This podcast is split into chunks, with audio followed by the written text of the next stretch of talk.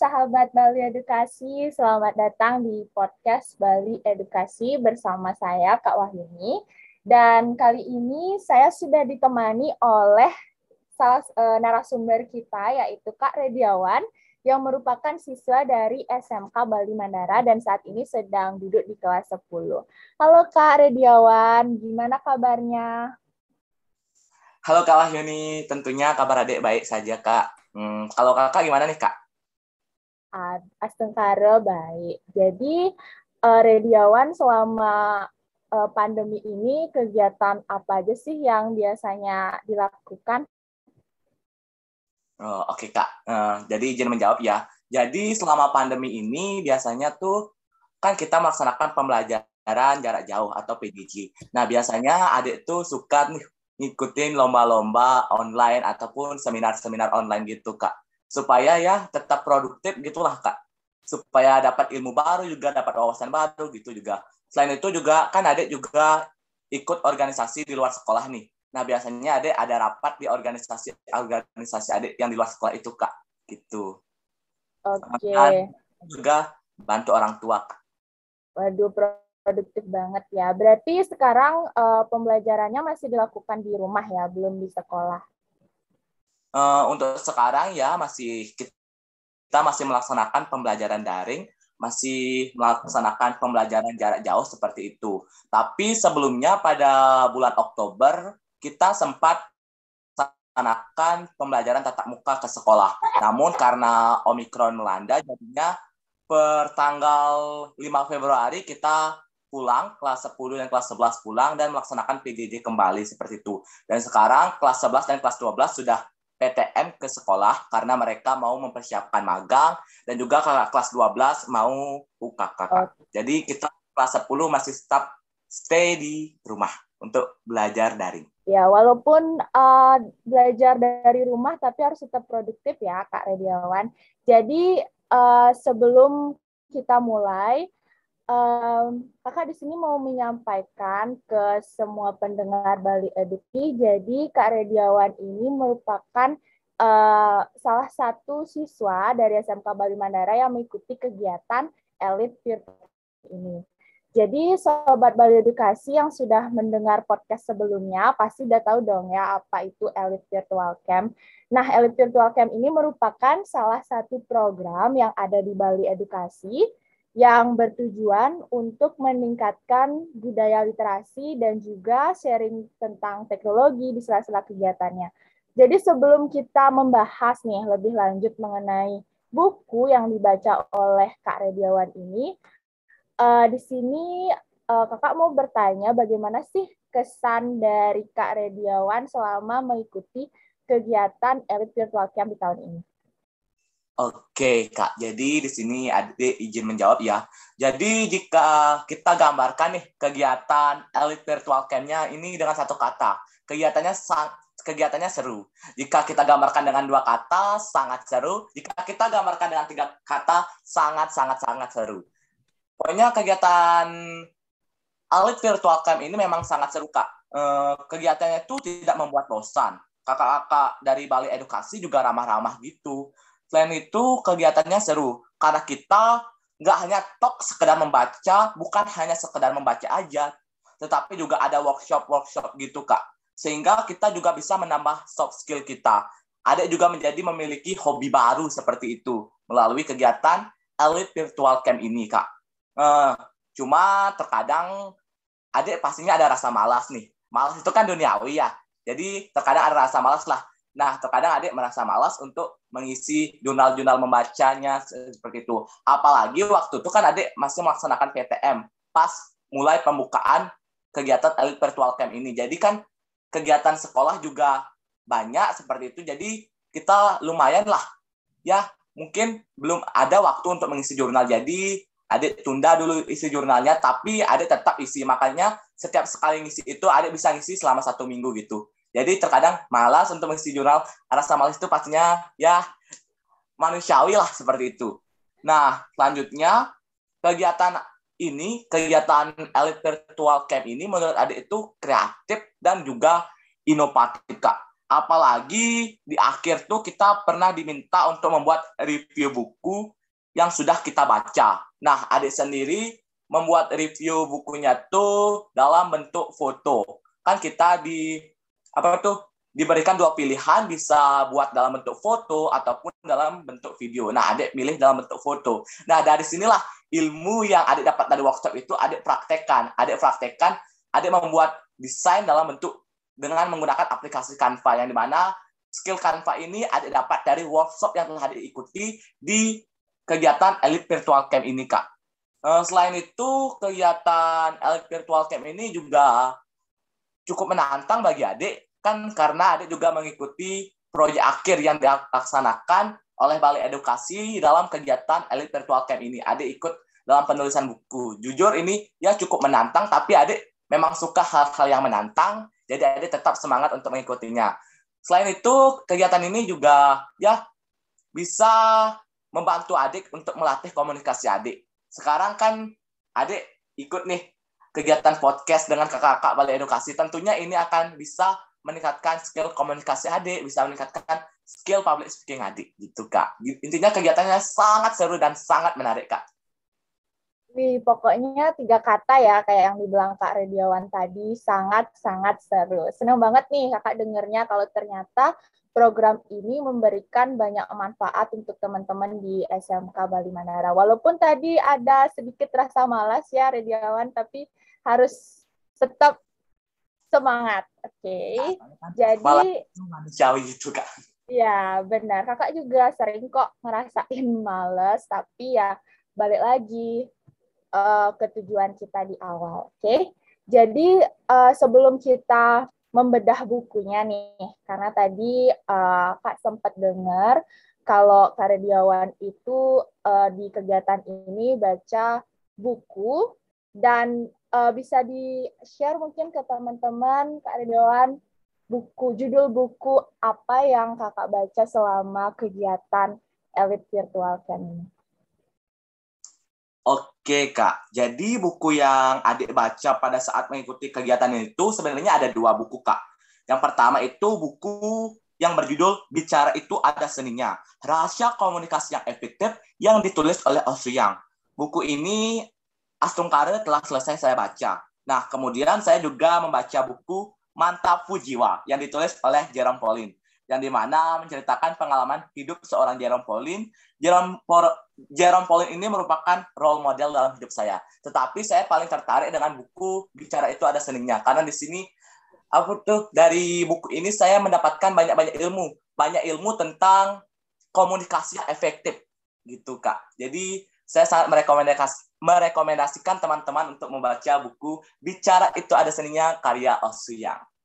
Oke, jadi langsung aja deh kalau gitu kita bahas buku yang benar-benar uh, sangat menjadi uh, favorit dari Kak Rediawan ini ya. Untuk gini, untuk mempersingkat waktu, mungkin uh, bisa diceritakan Kak, kenapa sih buku ini bisa jadi favorit untuk uh, Kak Rediawan dan kenapa sangat-sangat merekomendasikan buku ini. Mungkin biar uh, pendengar podcast Bali Edukasi juga tahu tentang isi buku yang Kakak baca. Oke Kak, jadi sebenarnya buku ini juga sebelumnya direkomendasikan oleh teman saya, yang di mana teman saya itu juga merupakan kutu buku gitulah. Nah, dia mengatakan kepada saya, coba deh kamu baca buku ini, kayaknya cocok untuk kamu. Ya, soalnya kan teman saya tahu saya memiliki ya dulunya sebelumnya tuh saya memiliki gaya bicara yang gagap, terbata-bata seperti itu. Nah, setelah direkomendasikan oleh teman itu, teman saya itu saya jadi kepo lah dengan buku bicara itu ada seninya. Saya carilah review-review tentang buku ini di internet. Dari review yang saya baca, buku ini katanya menjelaskan tentang bagaimana cara meningkatkan kemampuan berbicara yang baik dan efektif sehingga tujuan dari komunikasi tersebut tercapai dengan baik. Eh, selain itu, buku ini juga berisi cara untuk memberikan informasi, persuasi, atau negosiasi yang baik. Nah, saya yang sebelumnya memang sangat lemah dalam komunikasi, seperti yang tadi saya katakan, apa tuh lemah dalam berbicara di depan umum, suka terbata-bata ketika berbicara, bahkan omongannya suka di luar topik gitulah alias tidak nyambung, ya membuat saya tertarik nih untuk membaca buku Bicara Itu Ada Seninya. Kemudian supaya saya lebih yakin lagi untuk membaca buku itu, saya juga cari tahu nih tentang penulisnya, biografi penulisnya, yaitu Oh Suyang, yang merupakan penulis buku ini. Jadi setelah saya riset, setelah saya cari siapa sih Oh Suyang itu, dan ternyata saya telah menemukan bahwa beliau merupakan dosen dan pakar komunikasi yang sudah terkenal akan kehebatannya. Beliau memiliki banyak pengalaman dalam hal komunikasi. Nah, dari sana saya semakin yakin bahwa buku ini benar-benar bagus dan harus saya baca karena ditulis oleh orang profesional dan berpengalaman di bidangnya. Apalagi sudah sampai termasuk buku bestseller gitu loh, Kak. Nah, maka dari itulah adik meneguhkan hati untuk membaca buku ini. Dan adik harus bisa membaca buku ini sampai akhir agar bisa mengubah hidup adik gitu, Kak. Wih, berarti banyak hal yang uh, Kak Radiawan dapat ya dari buku ini, dari tips-tips uh, komunikasi dan juga uh, apa tadi yang tadi sempat disampaikan dari uh, kisah inspirasi uh, penulisnya juga sangat pengalaman menginspirasi pengalaman-pengalaman dari penulisnya. Nah, uh, dari banyaknya hal yang ad, uh, kakak dapatkan di buku dari buku ini pesan moral yang uh, pesan moral apa sih yang lebih spesifik gitu yang adik dapatkan dari buku ini Oke, jadi dalam buku ini tuh terdapat sebuah kutipan. Bicaralah layaknya seorang pemimpin, maka ucapanmu akan menjadi nyata. Nah, apa tuh kutipan tersebut sangat ya memotivasi adik lah, sangat memotivasi adik yang memang memiliki gaya bicara yang gagap sebelumnya seperti itu. Jadi pesan moral yang adik dapat dari buku ini, ya kita sebagai seseorang jangan pernah berhenti berlatih. Karena sesuatu kalau tidak dilatih sama saja. Eh, ada sebuah kata mutiara yang mengatakan bakat akan mengalahkan kerja keras jika kerja ker, jika yang berbakat tidak mau bekerja keras. Ya intinya itu. Itu kutipan adik yang membuat adik termotivasi gitu. Jadi di dalam buku ini ada juga mendapat pesan moral bahwa suara yang bagus, berbicara yang mahir, berbicara yang fasih bukanlah bawaan dari lahir. Tetapi hal itu bisa kita peroleh melalui berlatih, berlatih, dan terus berlatih. Jadi jangan pernah berhenti berlatih seperti itu. Selain itu, dalam buku ini juga adik mendapatkan pesan moral untuk selalu mendengar.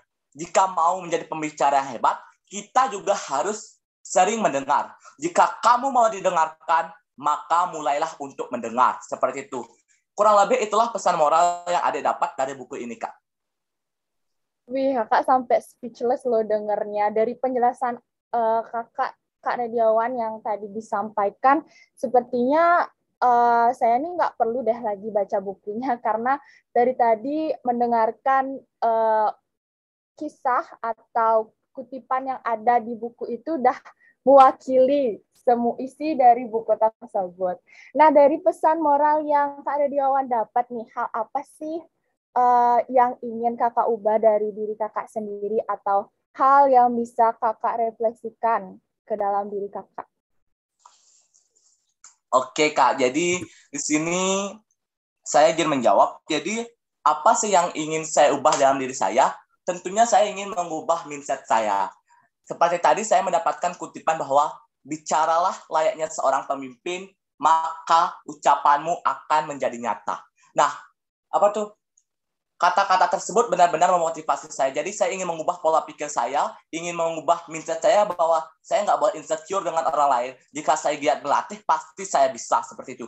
Jadi saya sekarang akan mulai mengubah mindset saya untuk tidak lagi insecure-insecure dengan orang lain. Karena setiap orang itu sudah memiliki kelebihan dan kekurangannya masing-masing. Jadi kita harus selalu mensyukuri seperti itu. Kemudian di sini saya juga akan berkat buku ini saya ingin mengubah kebiasaan atau habit saya. Saya ingin mengubah kebiasaan saya. Saya yang suka malas-malasan, saya ingin ya supaya hmm, konsisten seperti itulah. Konsisten untuk terus berlatih, berlatih dan berlatih supaya saya menjadi yang hebat, menjadi pembicara yang hebat. supaya saya bisa mengubah diri saya, benar-benar bisa mengubah diri saya seperti itu. Kemudian saya juga akan memperbanyak praktek, Kak. Karena di buku ini kita juga dituntut untuk praktek. Dalam buku ini kita belajar teorinya, dan dari teori itu harus kita praktekkan. Maka dari itu kita harus memperbanyak praktek. Teori tanpa praktek itu sama aja percuma, Kak. Jadi harus perbanyak praktek. Maka dari itulah saya mulai mempraktekkan buku apa tuh apa yang saya dapat dari buku ini. Misalnya seperti yang saya katakan kan salah satu kegiatan saya di pada saat PJJ ini adalah nah ikut rapat tuh. Nah, Ade sempat waktu itu ikut rapat Rabu lalu Ade ikut kegiatan sidang suara anak. Nah, di sanalah Ade menerapkan, mempraktekkan apa yang Ade dapat dari buku ini. Ade berbicara di hadapan orang banyak seperti itu jujur memang nervous, tetapi juga ya apa sih salahnya? Memang salah itu hal yang biasa, hal yang lumrah, tetapi jika terus dilatih, terus dilatih, pasti akan kita akan jadi bisa. Sebelumnya adik juga mempraktekkan apa yang adik dapat dari buku ini tuh di sekolah. Sebelumnya kan adik sempat nih PTM. Nah, adik lumayan sering nih memberikan informasi, mengumumkan informasi kepada seluruh siswa di sekolah. Adik di sanalah belajar untuk menerapkan atau mempraktekkan apa yang adik dapat dari buku ini seperti itu. Selanjutnya yang adik ingin ubah adalah yang ada ingin ubah adalah ada ingin terus belajar dan belajar agar memperbanyak wawasan adik. Karena jika kita memiliki banyak wawasan, ketika kita berbicara itu jadinya kita terlihat wow gitu loh. Jadi kita banyak wawasan-wawasan sehingga kita juga bisa mengedukasi, bisa memengaruhi orang yang lawan bicara kita seperti itu. Itu aja sih dari adik kak. Terima kasih.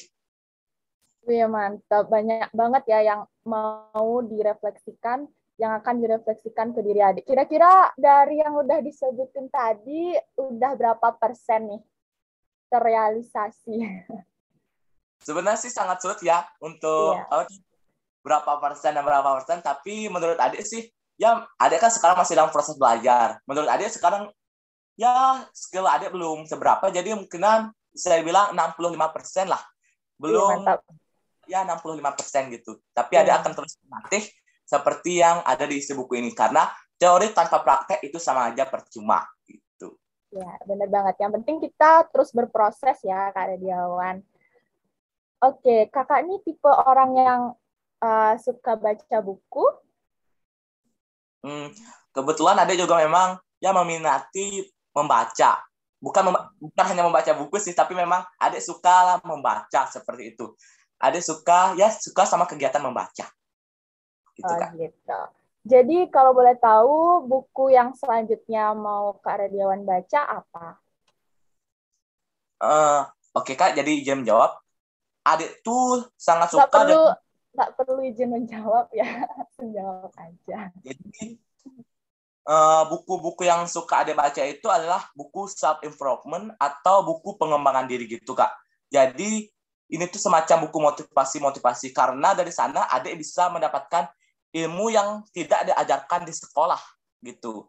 Jadi melalui buku self improvement self improvement ini adik bisa memperoleh motivasi gitu. Adik juga bisa menambah bekal adik untuk kehidupan adik ke depan gitu. Jadi selanjutnya buku apa sih adik ingin baca? Jadi adik ingin membaca buku yang berjudul Seni Hidup Minimalis, Filosofi Teras, dan Seni untuk Bersikap Bodoh Amat. Semoga hal ini bisa adik baca. Ada juga menerapkan target dalam hidup adik. Apa tuh? Semoga dalam satu bulan adik dapat membaca habis minimal satu buku. Itu resolusi adik di tahun 2022 seperti itu. Uh, mungkin kakak bertanya-tanya nih, kenapa sih adik nggak suka baca cerita-cerita gitu? Sebenarnya adik suka, kak. bahkan sangat suka. Cuma buku cerita-cerita kayak gini bukan adik baca melalui buku. Kita kan sekarang nih ada di zaman modern. Semua hal bisa kita lakukan secara digital. Nah, maka dari itu adik suka membaca cerita-cerita dengan memanfaatkan aplikasi seperti aplikasi Wattpad. Nah, di sana adik sering membaca buku-buku cerita yang bergenre misteri, bergenre romansa gitu, bergenre fiksi dan lainnya. Soalnya di Wattpad itu memang sangat lengkap sih kak. Bukan maksud promosi ya kak, tapi memang Wattpad ini memang menyediakan banyak-banyak bicara, banyak-banyak bahan bacaan untuk adik yang memang suka baca gitu kak. Oke, jadi uh, resolusinya juga bagus ya sekarang dan uh, dengan adanya program ini uh, rasanya adik juga bisa untuk sharing ke teman-teman yang lain juga tentang buku-buku yang mereka baca, ya kan? Iya, Kak. Oke, jadi uh, selanjutnya apa nih harapan yang ingin disampaikan ke teman-teman atau sahabat pendengar Bali Edukasi yang sedang mendengarkan podcast ini. Oke, di sini saya ingin uh, berpesan nih untuk teman-teman ingin menyebabkan sesuatu untuk teman. Ayo, mulai sekarang kita tumbuhkan kebiasaan membaca dalam diri kita. Hanya membaca buku-buku pelajaran di sekolah itu saja tidak cukup, teman-teman. Karena dalam hidup ini kita tidak hanya membutuhkan ilmu-ilmu yang kita pelajari di sekolah, kita juga perlu mengembangkan diri kita agar kita bisa berpikir terbuka, bisa menjadi lebih dewasa. Dan itu semua teman-teman bisa wujudkan dengan membaca. Membaca ialah upaya menekuk makna ithar untuk memahami alam semesta. Itulah mengapa buku disebut jendela dunia yang merangsang agar pikiran terus terbuka. Membaca adalah alat paling dasar untuk meraih, meraih hidup yang lebih baik. Semakin kita banyak membaca, semakin kita banyak berpikir. Semakin kita banyak belajar, semakin kita sadar bahwa kita tak mengetahui apa pun. Maka dari itu di sini saya berpesan kepada teman-teman semua, jangan pernah berhenti untuk belajar. Teman-teman bisa belajar dengan siapa saja dan di mana saja. Belajar bukan hanya sekedar yang belajar yang dilakukan yang kita lakukan di sekolah dan kita mendapatkan ilmu sains, matematika dan lain-lainnya teman-teman. Tetapi belajar adalah sebuah proses untuk menjadi lebih baik sehingga bisa menjadi pribadi yang bermanfaat dan pribadi yang lebih baik gitu. Oh ya, di sini juga saya ingin berpesan kepada teman-teman, kita kan sekarang nih sudah ada di zaman modern. Kita ada di era modern seperti itu. Jadi ya yuk mulai sekarang kita kembangkan ilmu-ilmu modern kita mari, mari menjadi manusia yang cakap digital menjadi remaja yang cakap digital seperti itu. Agar kita bisa memiliki kompetensi lah dan bisa bersaing di masa depan nanti. Intinya mulai sekarang terus belajar dan belajar, tambah skill-skill yang kita punya karena itu akan sangat penting untuk kehidupan kita ke depan seperti itu. Wih, benar banget tuh penjelasan uh, dari Kak Rediawan.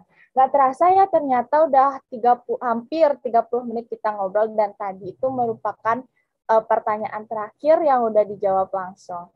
Oke deh, terima kasih banyak ya Kak Dewan sudah mau meluangkan waktunya dan juga berbagi tentang isi buku yang uh, ada di buku yang berjudul Bicara Itu Ada Seninya, Rahasia Komunikasi yang Efektif.